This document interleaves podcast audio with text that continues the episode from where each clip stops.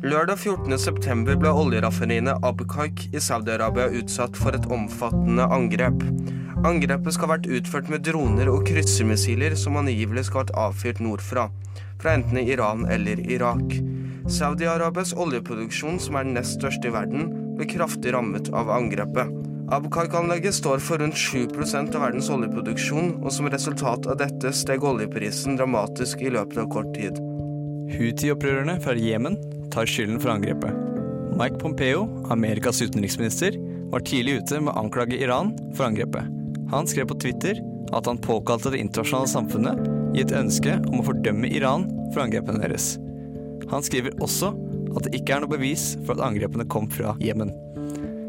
USAs president Donald Trump uttalte på Twitter at USA var 'locked and loaded', men at de avventet respons fra Saudi-Arabia om hvem de trodde sto bak, og hva de ville gjøre.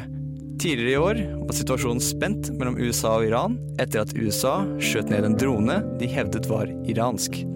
Iran nektet for dette, da de selv mente de ikke hadde slike droner. Situasjonen eskalerte fort, og USA var på randen av krig med landet.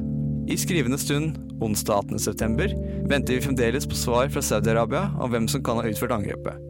Donald Trump sa i et møte med pressen mandag kveld at Mike Pompeo skal til Saudi-Arabia i nærmeste fremtid.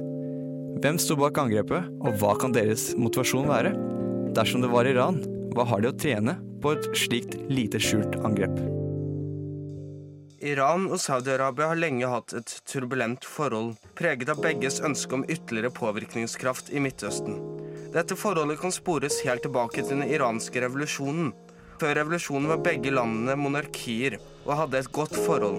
Begge monarkiene hadde vestlig støtte, men i 1979 kom derimot revolusjonen. Iran var på denne tiden preget av store klasseforskjeller, noe som til slutt resulterte i store protester i gaten og streiker. Streikene rammet bl.a. oljeproduksjonen hardt, og det ble vanskelig for styresmaktene å opprettholde ro og orden. Revolusjonen fører til at Ayatollah Khomeini, en sterk religiøs sjiamuslim, for makten. I april samme året avholdes en folkeavstemning om opprettelsen av en religiøs islamsk republikk, noe 99,3 av befolkningen stiller seg bak. Iran blir dermed en islamsk republikk, stiftet på shia-ideer, mens Saudi-Arabia forblir et sunni-monarki. Skillet mellom sunni og shia springer ut ifra en debatt om hvem som skulle lede muslimene etter Mohammeds død. I bunn og grunn er det ingen store teologiske forskjeller mellom sunni og shia-islam.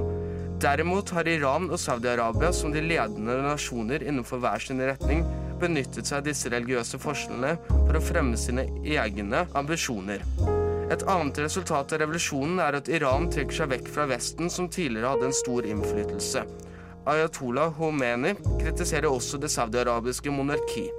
Og det saudi-arabiske monarkiet frykter en videreføring av den islamske revolusjonen ville føre til at de mistet fotfestet i regionen, Omeni ønsket derimot å videreføre den iranske revolusjonen for å styrke sin posisjon i Midtøsten. Opp gjennom 80- og 90-tallet går forholdet mellom de to landene både opp og ned, og de støtter begge ulike sider i de ulike konfliktene i regionen. Blant annet støttet Saudi-Arabia Iraks leder Saddam Hussein under krigen mellom Iran og Irak. Det samme gjelder også andre konflikter, som Libanon-konflikten og krigen i Afghanistan. Og da den arabiske våren startet i Tunisia i 2011, valgte Iran opprørernes side, mens Saudi-Arabia gikk imot og støttet lederen Ben Ali. Og etter hvert som den arabiske åren utviklet og spredde seg, stilte Iran på en generell basis seg bak opprørerne i alle land, med unntak av Syria, der de støtter Basir al-Assad. Saudi-Arabia støtter i alle land, med unntak av Syria, styresmaktene for å hindre at opptøyene sprer seg til Saudi-Arabia. Da borgerkrigen i Jemen startet i 2015, stilte saudi-arabierne seg bak regjeringen, mens Iran støttet Houthi-opprørerne, som støtter deres religiøse tankegang. Saudi-arabierne har deltatt aktivt i konflikten ved bl.a. bombing, noe opprørerne legger til grunn når de påstår at de står bak angrepet. Situasjonen i Midtøsten har lenge vært preget av en kamp om oljeressurser.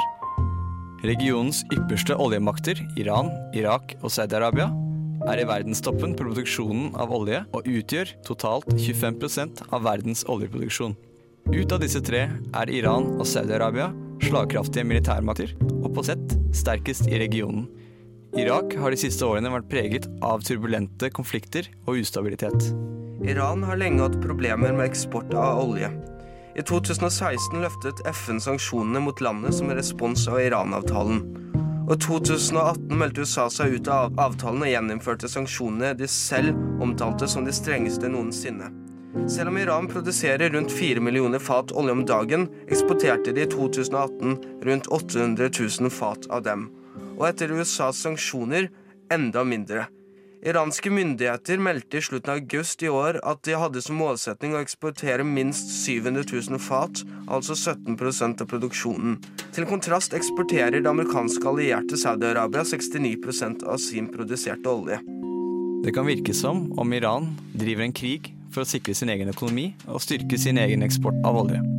Dette kan være en grunn til å mistenke Iran for angrepet på oljeproduksjonsområdet i Saudi-Arabia mens houthiene kan være mulige kandidater grunnet deres tilknytning til Iran, og som et motsvar på Saudi-Arabias aktive krig mot opprørerne. Samtidig virker det usannsynlig at angrepet kan ha kommet fra sør, altså Jemen, da Saudi-Arabia er forberedt mot slike angrep, og at det dermed kan ha kommet fra Iran eller Irak. Amerikansk etterretning har kunnet utelukke at angrepet ble utført fra irakisk jord, og med det gjenstår Iran som hovedmistenkt. Selv om det virker naturlig at Iran står bak angrepet, kan man ikke utelukke andre uavhengige grupper. Men hvem som har utført angrepet, og hva som kan være konsekvensen av dette, vet vi ikke. Vil dette videre tilspisse forholdet mellom Saudi-Arabia og Iran, og føre til en militær intervensjon fra USAs side?